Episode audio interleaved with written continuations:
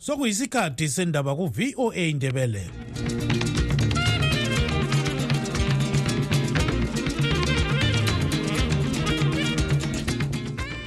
lingalivu kanjani izolukandaba ulamukela emsakazweni westudio 7 ngomvulo mhla ziku-15 zibandlela 2024 nguchris gande. Endabeni zethu lamhlanje ibandla le-mrp lize lenza umhlangano werali emakhokhoba othiwa mkhombandlela. Obuke wavinjwa ngamapholisa kumaviki adluleyo. I-national interim committee nic yiyo esabambe intambo kukhangelelwe ukuya ku-congress. So uh, kula magqoka amabili i-mrp ilokhe ilibandla elilodwa. Abalwela ilungelo likazulu bathi uhulumende okhona wephula ilungelo loluntu ukwedlula uhulumende kamnumzana robert mugabe. Ngihulumende lo uthe esengenile wathi zimbabwe open for business and ibhizinesi enkulu esiyibona yenzakala ngiyokususwa kwabantu lapha kade behlala khona esithi ngama-displacement kuthiwa bavulele indawo ama-projects. Silengxoxo mpikiswano phakathi kwelunga lebandla le-ccc umnumzana fortune mlalazi lo mnumzana kudakwashe munsaka webandla lezanu-p f. Akula leadership crisis. I-crisis actually nge-opposition engekho organized. I-leadership we've got able leadership in zimbabwe eyokuthi yikho unkulunkulu eyipreserve. Zonke lezi ndaba lezinye lizozizwa khonapha emsakazweni westudio 7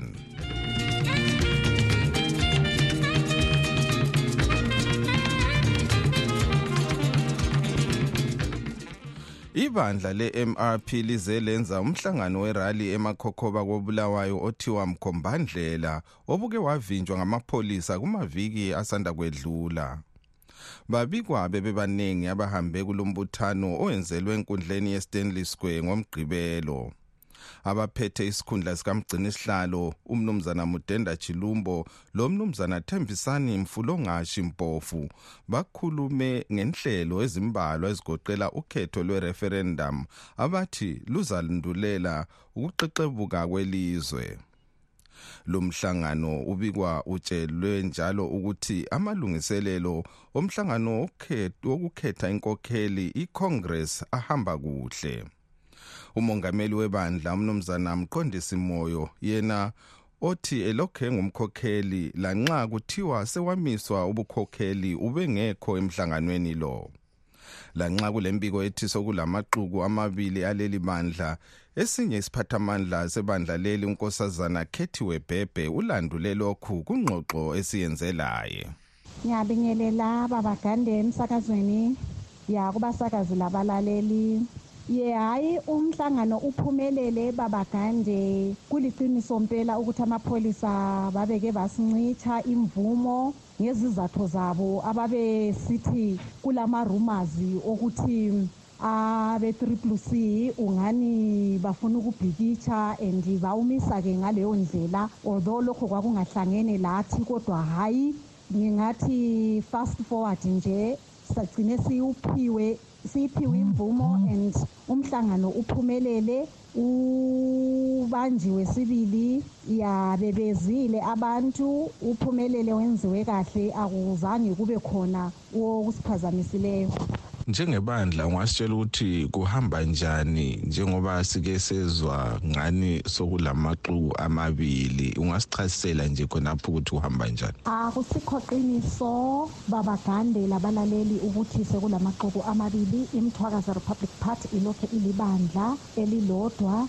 eh okwenzakalayo yikuthi safika esigabeni sokuthi sesi-dissolva ubukhokheli sabamisa ke ngezizathu ezithize ngendlela abasuke kusetshenzwa ngayo. Kwase kusenzakala izinto esasingathi zasingasahambelani le-constitution yebandla. Ngalokho-ke savumelana silibandla ukuthi hhayi kasike sibamise okwamanje kusaphethe interim committee i-national interim committee nic yiyo esabambe intambo kukhangelelwe ukuya ku-congress. So uh akulamagqoka amabili i-mrp ilokhe ilibandla elilodwa.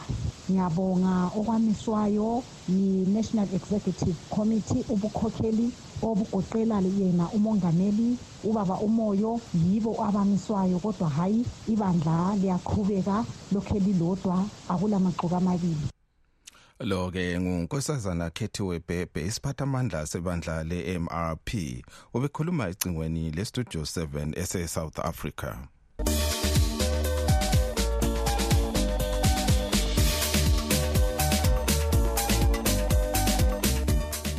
Abalwela ilungelo likazulu bathi uhulumende okhona wephula ilungelo loluntu ukwedlula okahulumende kamnumzana robert mugabe. Elezimbabwe yilo elikhokhela kuluhlu lwamazwe ayephula ilungelo loluntu kutsho inhlanganiso ye-human rights watch. Lokhu kulandela ucwaningo olwenziwe yile nhlanganiso ngomnyaka owedluleyo yasiyethula kuviki edluleyo eSouth Africa. Elezimbabwe lithiwa yilo elikhokhela kuluhlu lwamazwe ayephula ilungelo loluntu umhlaba wonke jikelele.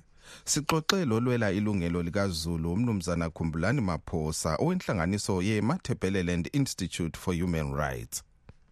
Ah udaba lwamalungelo elizweni leZimbabwe lubucayi. E, njalo kakumangalisi ukuthi sibone kuthiwa iZimbabwe yehlile ngendlela eyangisayo eh kuma rankings amalungelo omhlaba wonke. Eh njalo nxa sikhangele indlela okumi ngayo khathesi la kuhulumende kaMgabe ye umehluko ukhona sibili omkhulu. Umehluko omkhulu uqala lapha ukuthi uhulumende kaMgabe wayengathembisi ukuthi uzahlonipha yekethise izankentshe ezibopha amalungelo. Sasikwazi ukuthi vele yena ke uvele ubophile uvimbile kafuni kube lolutho olwenzakalayo. Lo uhulumende okhona uthe ngena wathembisa ukuthi uzakhipha izayeke ezikhona ezivimba ukuthi abantu bakholisa amalungelo abo. Kodwa akakwenzanga lokho eh akwenzileyo ukuthi ukhiphe isayeke wafaka amatomu. Eh okusele kuyinto efanayo nje. Eh wakhipha izankosi wafaka iketani kodwa umuntu sele elokhe ebotshiwe ngokufananayo. So akubanga lalutho abalwenzayo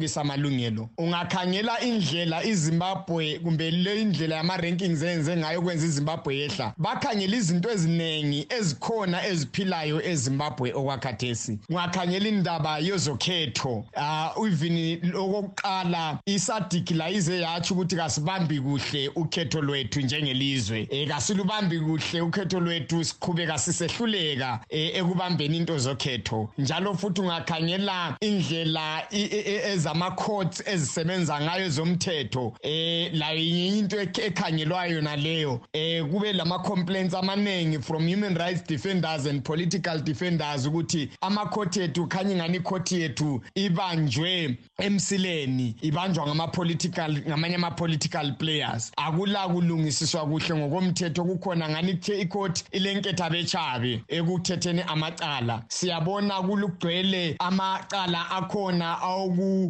victimize bakuhlukuluza abantu abamela amalungelo awukuhlukuluza abantu abamela ezopolitiki. Futhi ungakhangela ezeconomy yelizwe economy yelizwe isifile isebeyibulele yikho kwenza ama rankings eZimbabwe ayehle kakhulu nxa sikhangele kuqathaniswa lamanye amazwe omhlaba wonke. Kukanti njalo ungakhangela kule ndaba yokududulwa kwabantu. Kodwa yena uhulumende lo okhona ungathini ngokwephula amalungelo kaZulu? Uyafana yini? Lo hulumende kaMgabe. Ah ngihulumende lo uthe sengenile wathi Zimbabwe open for business and ibusiness enkulu esiyibona yenzakala ngiyokususwa kwabantu lapha kade behlala khona esithi ngama displacement kuthiwa bavulele indawo ama projects ama development projects anjengama mines eh amadamu lokuqheliswa kwamadolobho. Zonke lezo zinto nxa sizikhangele sizibalisa ndawonye ziyayilimaza iZimbabwe nxa sikhangele indaba zamalungelo. Lo-ke ngumnumzana khumbulani maphosa olwela ilungelo likazulu engowenhlanganiso ye-matabeleland institute for human rights.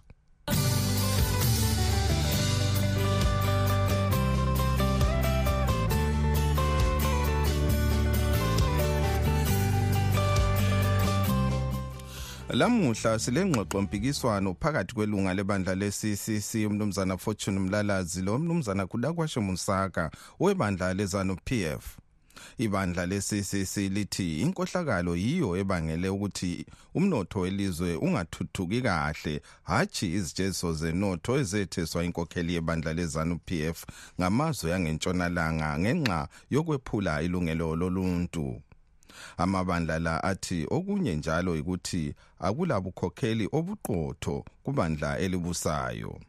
Ake sizwe udaba esilethulelwe ngugibbs dube westudio 7 elo umnumzana fortune mlalazi webandla le-ccc nguye osungula lingxoxo.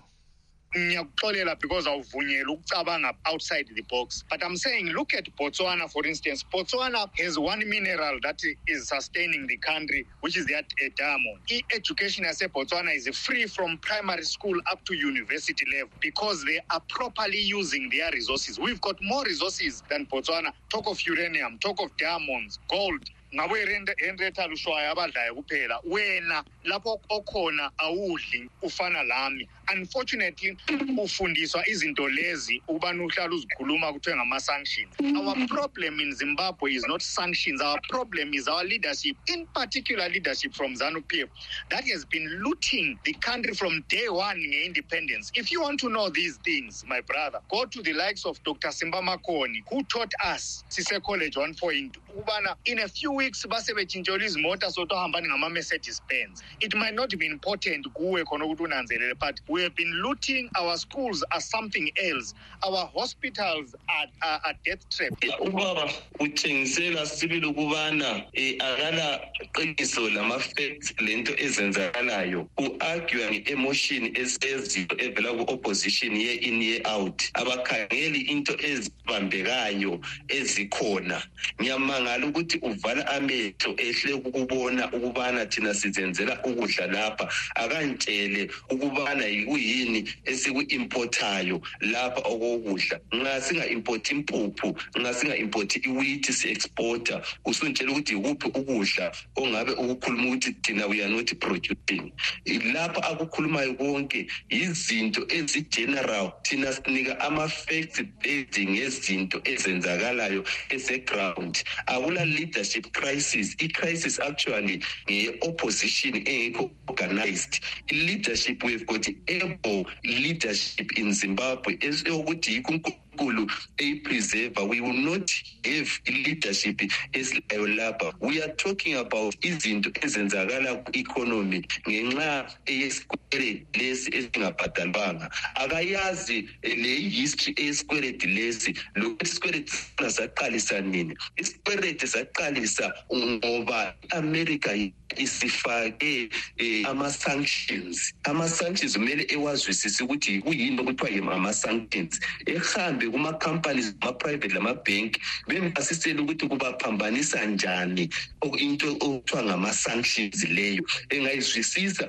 usezazwisisa njalo ukuthi ilizwe libuswa njani. Ama-comparisons awaphayo lawa ngama-comparison angasebenziyo akabe kwazi ukuthi ilizwe libuswa njani. Njalo um indaba esiyikhulumayo emqoqokela esikhuluma yama-sanctions. Ubana i-amerika ibaleke indaba. I-amerika i-corruption ayikhulumayo ayiqalisi ezimbabwe. Amazwe wonke jikelele alayo i-corruption. Ayisiyo zimbabwe kuphela. Kodwa angithi ukuthi mina ngithi sibe le-corruption njalo angiyiboni mina ezimbabwe. Uhlupho lwethu sibili ukubana i-amerika ilwa lathi. Yikho esikuxoxa namuhla ukubana why isiyalile ukubana bebe le-strategy esokuthi kukhitshwe isikweleti esilaso kumbe sibe lama-payment terms esikweleti esilayo ngoba bayasaba ukubana lapha izimbabwe esikhona igiant leli selivuka singalivumela ukubana liqalise njalo ukuboleka. Igiant lelona lisenza kuhle kangaka lingaboleki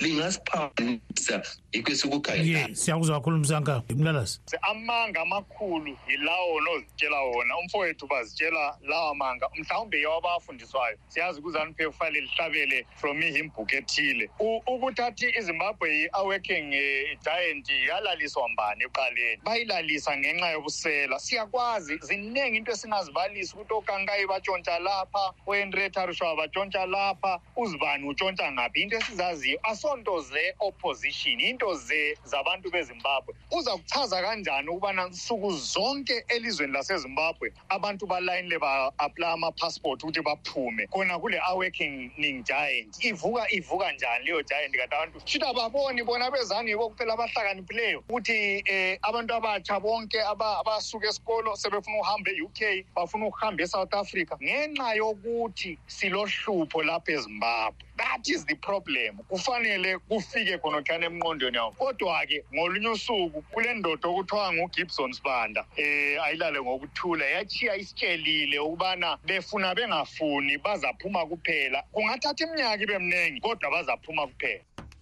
Lapho-ke belilalele umnumzana fortune mlalazi webandla le-ccc exoxa endawonye. Lo mnumzana kudakwashe munsaka olilunga lezanu p f.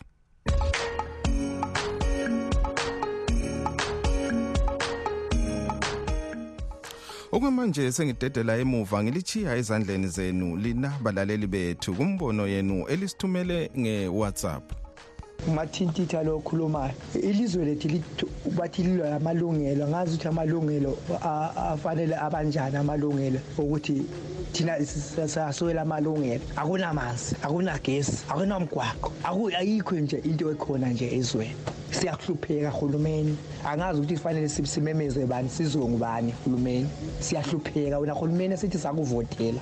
Wena hulumeni othi wasusa abelungu ezweni. Wena hulumeni sithi obaba bethu balilwela leli lizwe kodwa sikuboni u- ukuthi balilwela usizo lwabo kwakuyini ukuthi belilwele belithathe ebalungwini sithi sisentandweni eningi ngoba intando eningi manxa sithi siyabhikitsha senami ngento esenzelwa yona ezweni siyabotshwa siyashaywa siyabulawa. So kufanele senze njani? Mkhuzo wamaphoyisa. Lokhu engishilo njalo. Funa kweliye langa ubuye uzositshela ukuthi wayi imvumo efanele ibe khona yokudemonstrate imvumo enjani? Siyakucela mkhuzo wamaphoyisa. Paul nyani siyakucela nomzana siyakuhlonipha futhi. Kakhulu mathintitha lo okhulumayo yebo msakazi. Hayi mina ngiyaphila umsakazi westudio seven.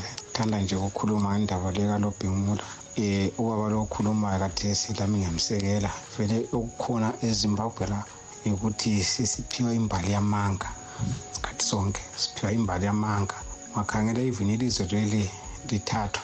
Izanu azange lithathe ilizwe leli ilizwe lilathathwa izapho izapho ihandlwa kakhulu ukudlula izanu izanu babe zihlalile emozambique abantu lapho kodwa sokungathiwa yibo. Ungakhangela kathesi kuhistory ekhona kukhulunywa ngayo ngayo izanu p f ukuthi ilethatha ilizwe kodwa kusikho esikwaziyo thina vele izapho.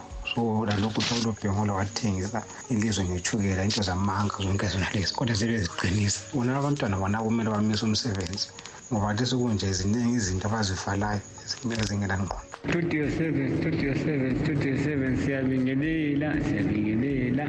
Sicela ukubamba lo baba umlomo uthi kobulawayo umlomo.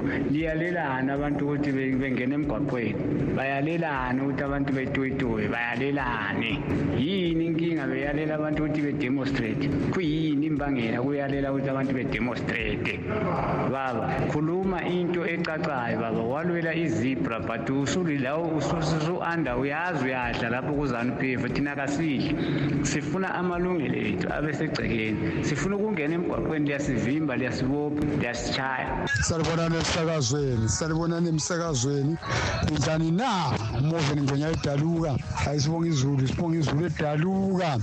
Ngibingelele imuli yami yakonyonda kongwenya khona lapha. Ngiyabathandathandiya ngikhohlwa egofole ongwenya ophilayo ehe komalaba kulesibanda lapha um stribod kuyothandazana ithuma hayi ngiyalithanda madoda ngiyalithanda bazali bami liphile ngenkosi awe Ah livuka njani studio 7 libingelela lonke westudio 7 libingelela labalaleli le losapho lukamthwakazi lonke. Eh ngingathanda ukudla isikhathi. Eh ngiphezu kodaba lwalama- lamantombazane emsakazweni ade bekhuluma ngolobhengula abathi wa- wadayisa ilizwe.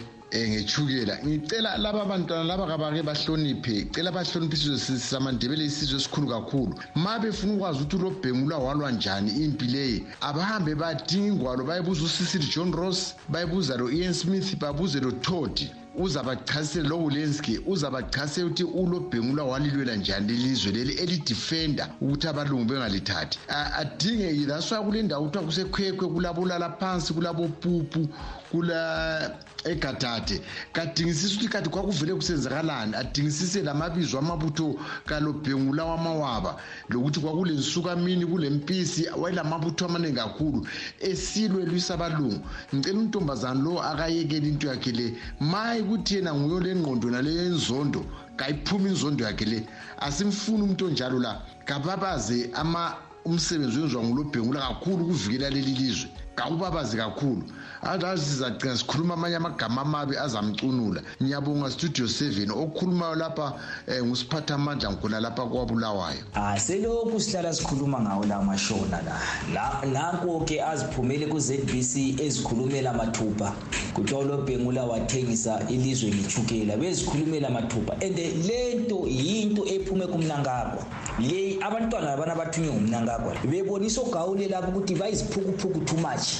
Labana babonisa ogawule abojoseph juma laba abomalaki nkomo sebelibonisa ubuthutha benu kwesi ukuthi lizithutha lilandela abantu abarongo sebeze belitshele mathupha ku-zbc yenu ngoba i-zbc liyana ikhupha izinto zezanup f. And ngeke ukhulume enye into umnankagwa engakwazi. I-zbc kube nga iyakhupha anything kube ziningi izindaba esizibona ziphuma lapha.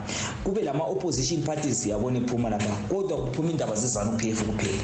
Labo yinto abayithethe kumnankagwa leyana kade beyikhuluma leya. Bezama ukulibonisa lela ziphukuphuku ezingaboniyo lezi ukuthi livalekile sebeze belitshele ku-zbc yenu.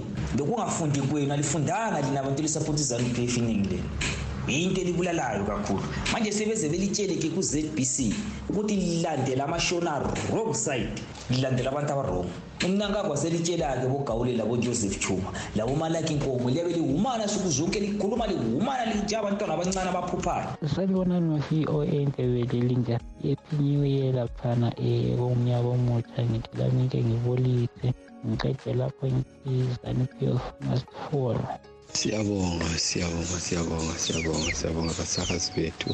Siyabonga izindaba elisinika zona izindaba zeqiniso. Hawu siyabonga inkosi libusise um ndimfake umbono. Nangu lo muntu abathi nguchabangu chabangu chabangu chabangu. Uzama ukuyenzani uchabangu? Uzama ukuyenzani? Uyenzani chabangu? Cela limbuze ukuthi uyenzani ukuthi unywembani uyenzani? Ake limbuzeleni uchabangu ukuthi uyenzani. Um salibonani basakazi bethu bestudio seven njani kodwa? Hayi kuhle mali sanceka basakazi bethu. Thina songathi siyakhathala into kachabangu le. Into kachabangu sisihlupha kakhulu. Uchabangu ngathi ufuna uthatha isisi uzoyenzani njengoba vele izawumehlula. Kanti waye ungathi ke uvele ufuna ukuchitha isisiso. Phela uchabangu vele sokusobala ukuthi bathengiwe vele bathengwa bongalabona laba abangani bakhe laba. Kanti wabe lokhu esenza inkambeni ezinkantolo lokhu esenza izinkantolo ezinkantolo udinga nathi ezinkantolo. Ngakuthi ungwesisi hayi akakehlukanele abantu mani abantu nabo bahlupha kwamanje balokho bebhizi ilizwe liyawa labo nabo lokho bebhizi lokho begcwala izinkantolo ngento ezingabonakaliyo. Akulanto ezolenza ngesisi umnikazi wesisi nguchamisa phela akulanto ezolenza lapho. Noma engayithatha isisi yawa sekukuphela kwesisi akulanto ezoyenza lapho. Ngoba lokho beziligijimisa ngapha langapho ngathi kuthiwa asilangqondo kulanto ongayenza utshaba ngesisi nix. Uqonde nje ukujabulisa izano kuphela. Into abayiqondileyo labo baqonde ukuzijabulisa izano kuphela.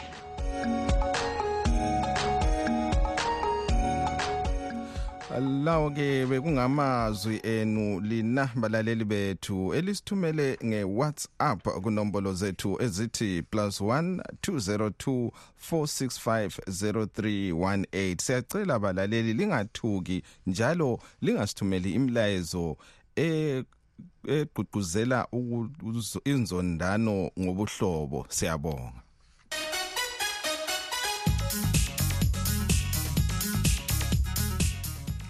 Kwezemelika lamuhla likhefu lokunanza owayelwela ilungelo labensundu umnumzana martin luther king jr uking owayengumfundisi wesonto ebaptist wadutshulwa wabulawa ngumlungu ngomnyaka ka-1968 imizamo yakhe yokuthi abensundu baphiwe amalungelo afana lokuvota yafezeka. Lamuhla likhefu eliqakathekiswa lilizwe lemelika jikelele. Ukuhlaziya lolu daba sixoxele ocubungula ezombusazwe umnumzana dan moyo. Yebo ngiyabonga mnumzana. Usuku luka-martin luther king lusuku olubaluleke kakhulu njengokusho ebantwini especially ebantwini abansundu. Eh uMartin Luther King wayeyinkokheli eh eyayilwela amalungelo abansundu esithi ngama civil rights. So sabona even up to makufika ngama 1960s khonapho ngaleso sikhathi i-influence yakhe yayinkulu kakhulu to a point where siyazi ukuthi abantu abamnyama okokuqala babengela mvumo babengelalo ilungelo lokuvota lapha e-america. Into eyenzakala ngama-1960s after ukukhokhelwa ngabomartin luther king besenza ama-million man march abawenza bematsha bebuya lapha e-washington d c um bebamba amarali amakhulu. Okwenza uhulumende layo wagcina ibona ukuthi abantu abansundu kumele amalungelo abo okuthi bavote bawathole bawanikeze. Manje nxa sikhangele yona indlela enanzwa ngayo leli langa ubona kuyindlela efaneleyo yini? Ye yeah, i mean ukuthi phela ilanga leli liyiholiday lapha e-america kutshengisa ukubana lilanga eliqakathekiswa kakhulu ngoba ma ukhangela even amanye ama-president um wonke ahlanganiselwa elangeni eliyi-one eliyiholiday lokucelebrate ama-president. Akusi alikho nje singathi kuthiwa leli ngelika-george washington day or leli ngelika-barack obama day. Elika-martin luther yilo eliqakatheke kimi ngokubona kwami ngoba libizwa ngegama lakhe um kulinganiswa labo-columbus day. Ucolumbus i'm sure liyamazi nguye okuthiwa wadiscover i-america. So la e-america kule-columbus day and then besekusiba le-martin luther king day okutshengisa ukuthi lilanga eliqakathekiswa kakhulu. Nxa sikhangela umhlaba jikelele siyabona ukuthi bakhona abalandela izifundo zikamartin luther king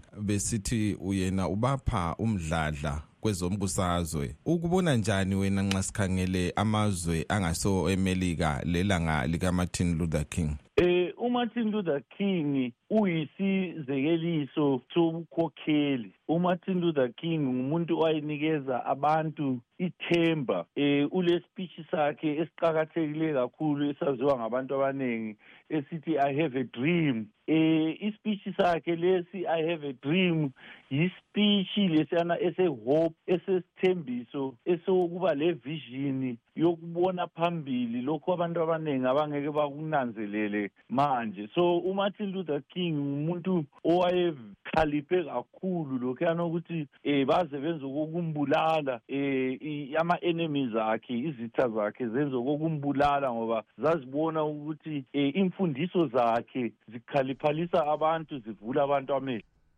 Lo-ke ngumnumzana dan moyo ocubungula izombusazwe. Ubekhuluma ecingweni lestudio 7 esevirginia khonapha kwelemelika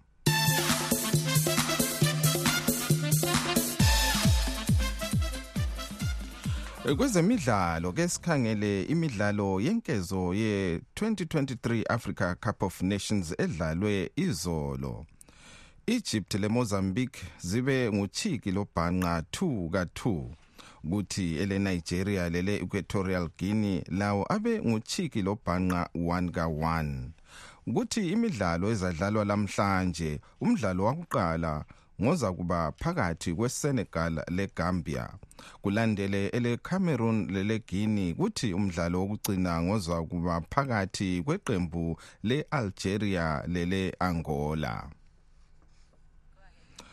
Isikhathi kasisavumi ukuba siqhubeke sisonke kodwa singakehlukani ke sikhangele ezinye zenhloko zendaba ebezikhokhela kuhlelo lwethu lwalamhlanje ibandla le-mrp lize lenza umhlangano werali emakhokhoba othiwa mkhombandlela obuke wavinjwa ngamapholisa. Abalwela ilungelo likazulu bathi uhulumende okhona wephula ilungelo loluntu ukwedlula uhulumende kamnumzana robert mugabe.